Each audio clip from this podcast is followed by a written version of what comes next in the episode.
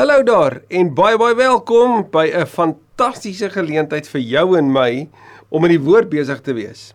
Fantasties want wat kan dan nou beter wees as God se woord vars en nuut vir jou en my elke dag en veral ook op platforms soos hierdie om goeie nuus te kan deel. Evangelion. Goeie nuus vir jou, goeie nuus vir my, goeie nuus vir die wêreld. En mag dit ook so wees dat ons vandag die Evangelion van God vir ons beleef. Hoe wonderlik is hierdie reis met Openbaring nie. Ek bedoel, 2 weke terug het ons by hoofstuk 12 stil gestaan in hierdie hierdie derde hoofdeel van Openbaring wat van 12 tot 22 gaan by by die draak. Hierdie draak wat 3 keer verloor. Verlede week het ons in die middel van Paastyd, hierdie hierdie heilige week, het ons stil gestaan by die draak se twee afbeeldings as jy wil. Ek bedoel die twee diere wat hom naboots, die twee diere wat wat valsheid voorstel, wat mislei, wat die gelowiges wil afbring. En dat te midde van dit sê die Here, maar vir die gelowiges, hulle moet volhard, hulle moet vashou, hulle moet fokus en en hulle moet aanhou. So te midde van onstuimigheid en onsekerheid, het jy die Here vir die gelowiges vir wie Johannes skryf. En en daarna Hoofstuk 14 kry ons die die derde deel van Openbaring want 12 tot 14 is verseker 'n goeie opsomming van Openbaring van verlede, hede en toekoms. En en ons gaan dit vandag sien. Johannes kyk na die toekoms. Wat wag? Wat lê voor? En en omdat Johannes so beweeg tussen hierdie tydsruimtes, dit nie kronologies gebeur nie, hy's tussen hemel en aarde en tussen gister, vandag en môre sien ons dat hy geneem word na 'n baie spesiale plek toe, so asof dit reeds gebeur het. So mag die Here se woord ons verbeelding aangryp vandag. Maar mag ek en jy meer as dit nog hoor wat ons net by hom moet hoor vir hierdie dag. Kom ons bid saam. Ons heilige Here, verlede week het ons geëindig met daai getal van Nero 666. En ons het gehoor van die merk van die dier en en en ek besef net dat net soos in die tyd van Johannes is daar ook in die tyd van vandag baie propaganda wat kan maak dat ons op goed fokus wat glad nie ons fokus moet wees nie. Vanuit die woord ook, Here, dit ons so nodig dat U ons help om vandag te fokus. Om met helderheid te kyk. Want omdat ons Sondag kon vier dat U opgestaan het, kan ons vandag weet dat dit wat ons mee besig is, is waar. Dit wat ons mee besig is, is U woord en dit wat ons mee besig is, gaan gebeur omdat Sondag gebeur het. Dankie vir verlede week, Here. Dankie vir die wonderlike belewennisse van die donderdag aand nagmaal. Van wat U op daai Monday Thursday, daai dag van 'n nuwe mandaat aangekondig het. 'n Nuwe gebod om ander lief te hê soos U. Om hierdie nuwe mense te wees wat U by wyse van goeie Vrydag bewerkstellig het. Mense wat in die regte verhouding met God kan staan. En dat ons kan weet dat die tempelvoorhang sal geskeur het daai Vrydag. Anders as in Moses se gevalle waar hulle een keer per jaar in die allerheiligste kan kom, het ons as gelowiges nou vrye toegang. Dit waartoe waarvan Moses en Dawid almal sou kon droom, dit kry ons van wie u siens soens verdienste aan die kruis, van wie u liefdesgeskenk vir ons. Dit kry ons elkeen wat net bely dat u die Here is en daarin glo, vasglo. Ek bid so dat u ons sal kom ontmoet vandag. In hierdie tyd van van van oorwinning wat ons kan aankondig en kan leef omdat dit nie ons oorwinning is nie maar u sin. Ons stap agter u oorwinning aan en u triomf tog aan en daarom omdat u leef weet ons dat vanuit u woord spreek u ook lewende woorde na ons toe. Ons bid dat u met ons sal praat. Ek bid dit in Jesus se naam. Amen. So nadat Dominitianus vir vir die die mense van Rome hierdie waar die Romeine hierdie beeld laat opbou het, eh, weet dat oprig het daar in naby Efese wat 8 meter hoog was en almal verplig het om hulle te aan weet om te aanbid anders sou jy doodgemaak word. Sou jy kon sê dat die die gelowiges wat hierdie lees sou sê, ja Johannes, maar wat nou? En dis nie Johannes wat hulle antwoord nie, dis die Here wat hulle antwoord en dit lees ons in Openbaring hoofstuk 14. En die opskrif is die 144000 op Sionsberg. Nou ek en jy het van hierdie 144000 gelees in hoofstuk 7. Hulle wat die seël van die Here gekry het, lank voordat daar gepraat word oor die merk van die dier, was daar die seël van God. God wat sy mense beseël het vir hom. Ekskuus, wat hulle toekoms verseël het vir ewig by hom, burgerskap in die koninkryk vir altyd. Vers 1 En toe het ek die lam op Sionsberg sien staan. Sionsberg, hierdie hierdie plek van oorwinning. En en Sion was was we sien ons in die, in 'n Openbaring word beskryf nie as dit is nie 'n fisiese plek nie, maar dit word simbolies beskryf as die hoofstad van die hemel as jy wil. Soos wat Jerusalem die die hoofstad was in in die omgewing vir die Jode en Rome die hoofstad was vir vir die Romeine. So sien ons hier die hoofstad vir van die hemel, Sionsberg. En wie staan daar? Die lam. En die mooi hiervan is wanneer die lam op Sionsberg staan, dan beweeg ons in 'n toneel in waar die lam teenwoordig is. En as ons mooi kyk na die storie van die Bybel, dan was dit God se storie nog altyd. In die tuin van Genesis waar hy wandel tussen sy mense in Eksodus 40 net na die uittog. Ja, ons kan en moet stil staan by hoofstuk 20, die 10 gebooie. Maar dit daar's 'n vinnige ritme wat dan stil staan by hoofstuk 40, naamlik die tabernakel, waar God in hierdie tentwoning kom tuis kom tussen sy mense. Dit wat hy bedoel het, sou jy kon sê herstel. Maar wanneer hulle die beloofde land ingaan, dan het hierdie hele belewenis van naby aan die Here wees, dit verdwyn. Selfs by die bou van die tempel kom hulle nie by daai oomblik uit van die soeke nie. En dan sê Johannes in sy herskepingsverhaal in sy proloog hoofstuk 1, Jesus het onder ons kom woon. En dan staan daar hy het onder ons kom tent opslaan, letterlik het onder ons kom tabernakel. Dis ook die beeld waarmee Openbaring eindig. So ons is hier in daai fase waar God se oorspronklike bedoeling om tussen sy mense te wees, wat bewerkstellig is deur Christus se aarde toe kom en sy lewe gee dat dit realiseer. En hierdie lam wat sy lewe gegee het, sien ons dat dat hy sigbaar is en en en Jan Dirand sê waar daar uitsig is, daar kom insig. En dit is so.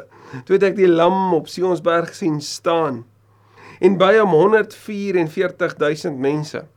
Hierdie is dieselfde mense van van hoofstuk 7, maar hoofstuk 7 was hulle nog op aarde, beseël, opgeroep om te volhard, opgeroep om die woord steeds te bly verkondig. Nou het hulle volhard. Nou is ons by die eindtoneel. Hulle het by Sionsberg aangekom saam met hom. Met sy naam en sy Vader se naam op hulle voorkoppe geskrywe. En wat sê Jesus? Ons moet mense doop in die naam van die Vader en die Seun en die Heilige Gees hierdie hierdie beeld van God wat oor sy kinders uitgeroep het sy naam.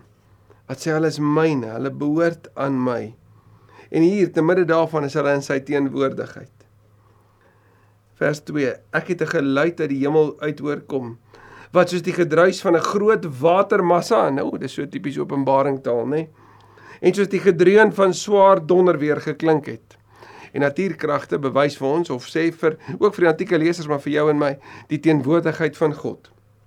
Die geluid wat ek gehoor het was ook soos die van siterspelers wat op hulle siters speel.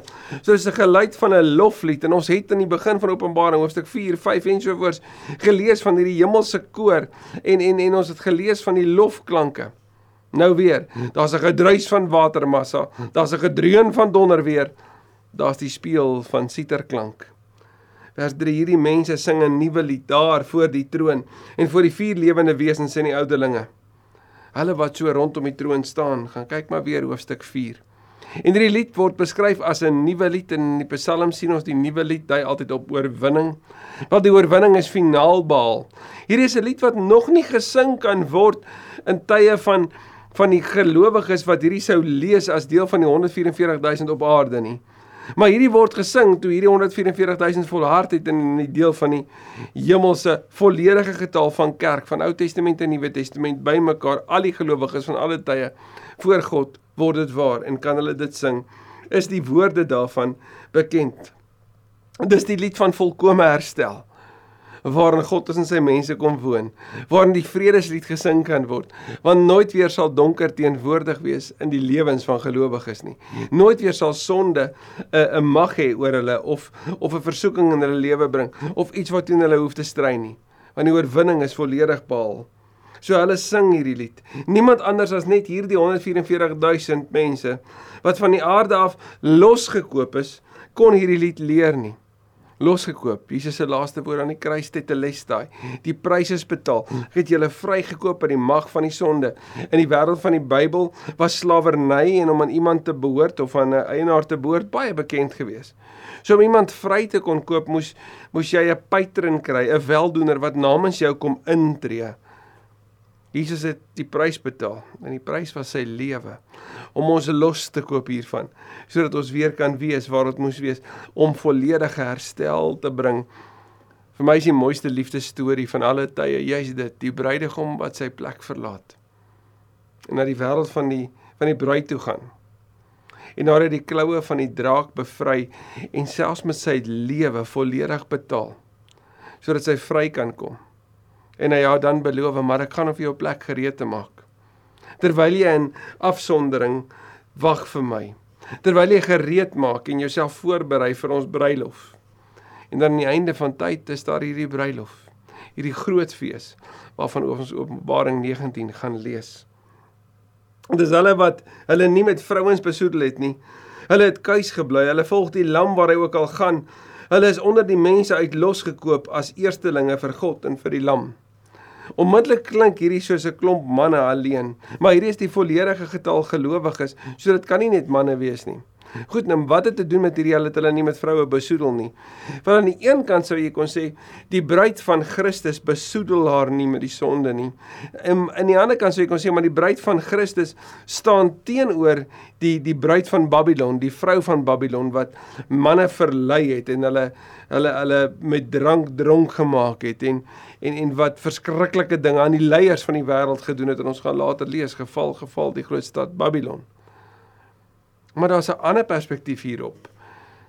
Ons sien in die tyd van die Bybel is daar verklaar dat wanneer jy besig is met die heilige oorlog, dan is daar nie tyd om intiem te wees met jou vrou nie. Dan leef jy 'n celibaat lewe vir daai tyd terwyl jy besig was met die oorlog. So hier sien ons iets van gelowiges se totale toewyding aan die Here. Hulle deelgeneem in die, in die oorlog en die oorwinning is behaal. So dis waarna dit verwys word. As jy 'n komiese toneel wil kyk, gaan lees gerus Sagaria 5. Ek onthou toe ons dit in Hebreërs 2 gedoen het, moet ons hierdie teks gedoen het Sagaria 5 en vers weet ons het Sagaria vertaal en Sagaria 5 sê hy die komiese toneel waar daar 'n mandjie is wat afkom in die rivier en dan sê Sagaria vir die engel nou maar wat is dit? Dan sê die engel nee maar sê jy en Sagaria sê en ek het gesien dat die deksel van die mandjie lig en kyk daar sit 'n vrou En die engel het vir hom gesê: "Dit bevat die sonde van die mensdom." En kyk, daar sit 'n vrou. Baie komies moenie van e-pos stuur nie, dis wat Sagaria sê. Iets van besoedeling kom vertel vir ons wat? Man, die sonde is oorgedra van geslag tot geslag en dit gebeur natuurlik omdat 'n vrou geboorte skenk. Dis al. Dis al. Hierdie weermag. Ekskuus tog is toegewy. Hulle leef kuis. Hulle volg die landbou ook al hy gaan Psalm 23 Johannes 10 en hulle is vrygekoop. Tetelestai, hulle is die soldate. Maar daar word ook gesê hulle is die eerstelinge vir God en vir die lam soos die eerstelinge van die oes. En hierdie eerstelinge van 'n oes is belangrik ook in hierdie hoofstuk. Uit hulle mond het daar nooit 'n leuen gekom nie. Hulle is onberispelik. En dis presies wat gesê word van die oorblyfsel van Israel, dan Sefanja 3 vers 13, dat hulle toegewyd is en dat hulle nie leuns gepraat het nie. Vers 6: Toe het ek 'n engel hoog in die lug sien vlieg. Hy het 'n goeie boodskap gehad wat vir ewig van krag bly. Die Griekse woord letterlik daar sê hy het 'n euangelion gehad, die evangelie gehad wat vir altyd vas staan. En natuurlik is die goeie nuus wanneer Jesus begin preek, juis dit. Dis die goeie nuus. Bekeer julle want die koninkryk van God het naby gekom. Dis juis die die beste nuus ooit dat die moontlikheid van bekering bestaan. Draai om na die Here toe terwyl daar tyd is. Hy moes dit aan die bewoners van die aarde, aan elke stam, nasie, volk en taal verkondig klink so Matteus 28 vers 19, nê? Gaan uit en vertel dit vir hulle. En hy het met 'n harde stem uitgeroep en kyk mooi, hy het dit klaar verkondig. Die goeie nuus is klaar. So die die tyd het gekom, die einde is daar. En hy het uitgeroep: "Vrees God en gee aan hom die eer, want die tyd het aangebreek vir sy oordeel." Vrees God. Nie uit angs nie. Hy is waardig. Vrees God is heilige eer, heilige respek. Erken hom vir wie hy is aanbid hom wat die hemel en die aarde, die see en die waterbronne gemaak het. Erken hom as die Here bo al die ander. Hy's die Here bo die afgode. Hy's die Here bo die keisers. Hy's die Here bo eh, oor al hierdie valse gode. Hy's die Here bo die Griekse mitologie en al die vertellings van Zeus en van Apollo en al dies meer. Hy's die Here bo al die wette van die Jode wat hulle so ingeperk het. Hy's die Here bo alle wêreldmagte. Aanbid hom want hy's ook die Here oor die bronne soos die see en die water. 'n Tweede engel het agter die eerste aangevlieg en uitgeroep en waar die eerste engel goeie nuus aankondig, kondig hierdie engel 'n val aan. Hoor wat sê hy? Geval, geval die groot Babylon. Gaan lees gerus Jesaja 21 vers 9 want dit presies oor Babel gesê word. Wat al die nasies van die van die dwelmdrank van haar onseerlikheid laat drink sien nou sien ek en jy hierdie nasies wat Babylon se drank gedrink het is besoedel. Die heilige weermag op Sionsberg staan totaal in teenstelling hiermee. Sy die nasies van haar dwelmdrank van onseerlikheid laat drink. Hierdie onseerlikheid was so deel van die partytjies gewees van daai tyd. Dit was deel van die afgodskultus gewees van daardie wêreld. In 1 Petrus 5 vers 13 sien ons dat dat Babylon word beskryf letterlik Petrus wys dit daar vir ons dat dit staan vir Rome. So wat kondig Johannes hierdeur aan deur wat hy sien? Rome gaan val. Hierdie keiserlike verering wat hulle afdwing en hierdie manier hoe hulle mense intrek op hulle op hulle keiserlike vereringspartytjies en feeste en by hulle tempels laat laat drank drink en deelneem aan tempelprostitusie en alle verskriklike dinge daar kom 'n einde daaraan. Aan hierdie aan hierdie mag sal daar 'n einde kom. 'n Derde engel het agter die eerste twee aangevlieg en hard uitgeroep: "Wie die dier in sy beeld aanbid en 'n merk op sy voorkop of sy hand aanvaar nou, as ek en jy net vinnig uit die uit die vorige hoofstukke kan kan stop. Die eerste die beeld van die dier staan teenoor Nebukadneser se beeld of sy beeld. Onthou julle is aanbid en die wat nie aanbid het nie is doodgemaak en toe het Sadrag Mesig en Abednego die vuur oond gewet oorleef. Maar Domitianus het ook 'n beeld laat aan weet laat bou daar in laat oprig in Efese. En daar's gesê as jy dit nie aanbid nie word jy doodgemaak en dit het letterlik gebeur. Domitianus het homself genoem Dominus et Deus. Maar dan het ons ook gesien vanuit die die vorige hoofstuk dat die dier se volgelinge het 'n merk op hulle voorkop wat bepaal beteken hulle denke en op hulle hande wat beteken hulle dade. So wat hulle dink en wat hulle doen kom wys wie hulle volg, naamlik die bose.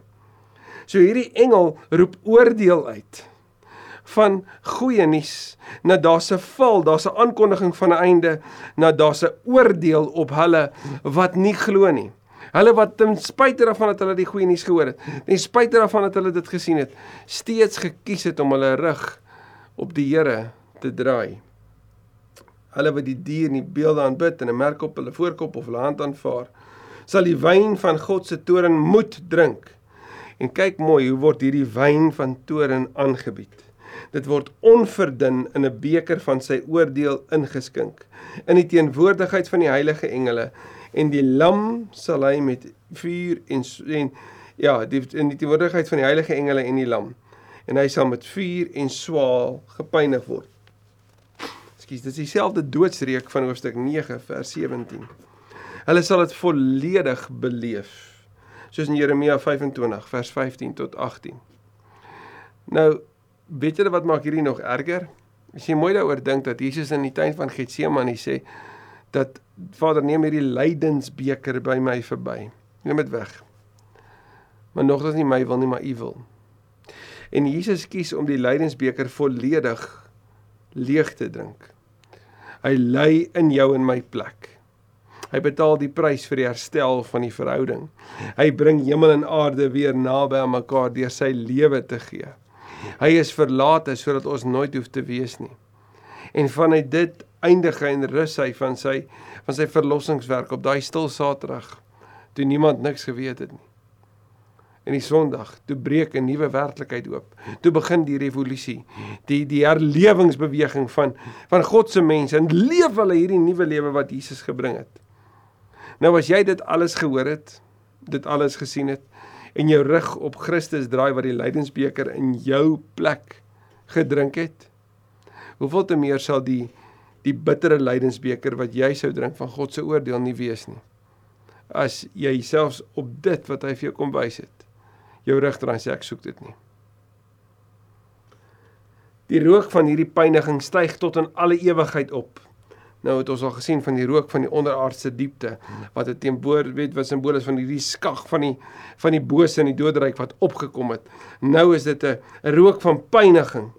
En hierdie mense het dag en nag geen rus nie.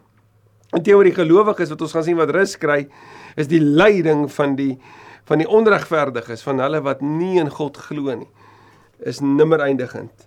En hulle wat die dier in sy beeld aanbid en die wat die merk van sy naam aanvaar. Hulle pyn sal nie ophou nie. Hier het die gelowiges volharding nodig. Hulle wat die gebooie van God nakom en in Jesus bly glo. Weerens te midde van hierdie oordeelsaankondiging sê die Here vir sy kinders, so half asof dit so tussenpose is, so tussentoneel. Julle het volharding nodig. Moenie ophou nie. En dan julle wat sy gebooie nakom en in hom glo. sien soos wat Jakobus ons leer, geloof en dade kan nie geskei word nie. So herinner Johannes ons dan ook daaraan. Toe het ek 'n stem uit die hemel hoor sê: "Skryf op." En hoor mooi. Hier's 'n vyfvoudige saligspreking of seënbede vanaf die Heilige Gees. Skryf op. Geseënd is die wat van nou af in die Here sterwe. Ja, sê die Gees, hulle sal rus van hulle arbeid want alles wat hulle gedoen het, volg hulle. So teenoor die die pyniging wat nie eindig nie wanneer hierdie oordeelsaankondiging kom en dit nou gebeur is daar vir gelowiges 'n tyd van rus. Rus in die Here. Om rus te vind in hom is om werklik tot rus te kom. En ons hoor dat hulle rus van hulle arbeid. So hulle het gearbei aan die akker wat God vir hulle gegee het. Hulle het die saad gegee van wat God vir hulle gegee het, het hulle uitgedeel on weet onophoudelik met volharding. Jan Dirand skryf die bloed van die martelare het die saad vir die kerk geword die broed van die martelare, die saad vir die kerk geword. En hoe mooi is nie dat wanneer die Gees bid, dan bid dit dat hulle tot rus kom. Daarin in Romeine 8 waar die Gees vir ons bid wanneer ons nie meer weet wat om te bid nie. Die Gees is steeds aan die bid en hierdie seënbede bid hy. Geseënd is hulle wat in die Here sterwe. Vers 14. Toe het ek 'n wit wolk gesien. Wit natuurlik is 'n simbool van reinheid. Wolk in die Ou Testament Shekinah, daar waar God heers oor sy mense en en Jesus wat met 'n wolk op is wat wys op sy heerskappy wolk wat in die hemel altyd 'n simbool is van God se teenwoordigheid dis wat Moses ook beleef. So iets van God se reinheid en heiligheid is onmiddellik sigbaar wanneer jy hierdie hoor. Toe het ek 'n wit wolk gesien. Op die wolk het daar iemand soos die seun van die mens gesit. Die woordjie soos kom sê vir jou en my die die andersheid van die hemel. Ek sien hom maar ek sien hom nie. Hy is maar maar nie heeltemal nie want want ek ek ek verstaan maar want ek wil Johannes kyk van hierdie kant af, nê? Nee, vanuit die aarde se kant af as dit ware. Maar as jy iemand soos die seun van die mens, wat wil hy het vir Jesus geken? Hy het 'n goue kroon op sy kop gehad en 'n skerp sekel in sy hand. Die kroon en die sekel, twee simbole van heerskappy. En waarskynlik wat nou hier gebeur van vers 14 tot 16 dui op wat met die gelowiges gaan gebeur vers 15 'n engel het uit die tempel uitgekom en hard geroep na hom wat op die wolk sit. Steek u sekel in en oes want die tyd het gekom om te oes. Die aarde is ryp vir die oes. Nou hierdie steek u sekel in oes kom sê vir jou en my die finaliteit van Christus se werk het aangebreek. Die verlossing wat hy bewerkstellig het, die oproep van 'n nuwe mensdom, 'n nuwe mensheid soos wat Paulus hulle sal beskryf, dit gebeur nou. Hulle word deel, hulle wat deel is van die hemelse familie, hulle word nou deel van die hemelse skare, die 144000 op Sionsberg. Kom oes af hierdie graanoes wat gebeur het tussen Augustus en September. Hier kom dit. Hier word geoes. Steekie sekel in 'n oes. Die tyd het tyd het gekom. Lukas 10 sê Jesus mos, die arbeiders is is min, maar die oes is groot. So bid en gaan. Wel, dis oestyd. Hy wat op die wolk sit het, toe sy sekel ingesteek op die aarde en die aarde is afgeoes. Toe het daar 'n ander engel uit die tempel wat in die hemel is uitgekom en hy het ook 'n skerp sekel gehad. Nou hier is 'n ander oesproses. Hierdie was die graanoes. Kom ons kyk op hierdie een. Nog 'n ander engel het van die altaar se kant af gekom. Hy het mag oor die vuur gehad en het met 'n harde stem uitgeroep na die engel wat met die skerp sekel het en vir hom gesê: "Steek jou skerp sekel in en sny die druiwetrosse van die wingerd af op die aarde af, want sy druiwe het ryp geword." So hier het ons die druiweoes. Maar hier's nou twee engele wat mekaar praat en een sê vir die ander een: "Sny af." En wat gaan hulle afsny? hierdie druiwe gaan ek en jy sien waar die graanoes wys op die gelowiges, wys die druiweoes op die ongelowiges. Die engele toe sy sekel op die aarde ingesteek, hy die wingerd wat op, op die aarde afgeoes en die oes in die groot parskyp van God se toorn gegooi.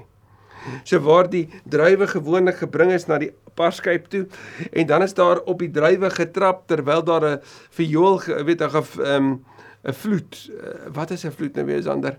Ehm um, blokfluit gespeel, 'n fluit gespeel is en hulle het lekker gedans met die met die met die met die fluit en en groot fees gevier. En dan het hierdie hierdie druiwe se sap wat sommige genoem het die bloed van die druiwe uitgeloop en is daarvan daarmee wyn gemaak. Nou word daar gesê daar's afgeoes en hierdie hierdie oes wat ingesamel is, die ongelowiges word aan die parskyp nie van 'n fees nie, maar van God se toorn gegooi. Dit herinner so aan Jesaja 63 vers 3. As jy vers 1 tot 3 gaan lees, gaan jy baie grafiese beskrywing sien van die Here wat aankom met 'n rooi kleed. En jy kan sien dat sy kleed is bevlek want dit hy sê ek het af weet ek het ek het die oordeel voltrek op die ongelowiges, op die bose. En en hierdie is die is die merke daarvan. Is die die woede van God wat teenoor die sonde en die boosheid wat na vore kom. En ook hierin sien ons iets daarvan. Die parskyp buite kan die stad is getrap. Uit die parskyp het daar toe bloed uitgekom wat tot aan die tooms van die perde geraak het, so dit was regtig hoog geweest en 1600 km ver gestrek het. Nou hierdie 1600 km dui op op 300 ehm um, ag 16000 stadia Sommige kan reken nee, dit is 300 km noord na 300 km suid in die op, omgewing in die wat wat daarna toe lei. Anders sou sê nee, dit kan lei op dui op die die 1600 kan dui op die 40 maal 40. Jesus se 40 dae in die woestyn en die volledige houe wat hy gekry het as prys. Christus in ons plek. Aan die ander kant sou dit kon sê nee hierdie dui eenvoudig net op wat Johannes gesien het, naamlik dat die bloed van hulle wat wat onder God se oordeel staan was wêreldwyd sigbaar. Was vir almal te sien, veral vir die 144000 op Sionsberg wat wat gered is. Hoe dit ook al sê, God se oordeel staan so in skrille kontras met Psalm 4 se opgewonde lied oor die druiweoes want God se oordeel is 'n tragiese tragiese gebeure as jy 'n ongelowige was. Dit is sal 'n ontnigterende gebeurtenis wees. Dit sal 'n nimmer eindigende gebeurtenis wees. En hoor mooi, hierdie is nie veronderstel om jou en my te dreig nie. Hierdie is om te sê dis wat gaan gebeur as jy jou rug draai op die mooiste liefdesaankondiging van alle tye wanneer God sê, "Maar ek wil jou by my hê." En dit waar ek nie is nie, is wreed en lelik. Ek het ek het julle so lief gehad dat ek my seun gegee het. Paastyd het dit net weer eens vir ons kom bevestig. Volgende keer stop ons by hoofstuk 15 waar ons gaan luister na die sewe engele wat die laaste pla aankondig. Jy kan sien ons beweeg nou in 'n totale nuwe fase van Openbaring weet ons is op pad na die troue toe, weet ons is op pad na die nuwe Jerusalem toe, weet ons is op pad na die groot aankondiging van kom en woon by en beleef saam.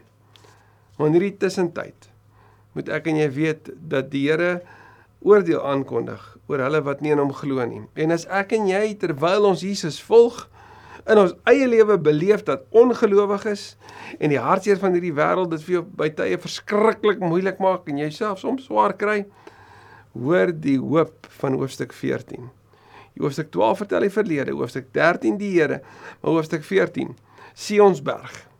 Die gelowiges wat die goeie nuus gekry het, is saam met hom. Vir die ongelowiges is daar nog 'n tyd van bekering waar die evangelie verkondig word.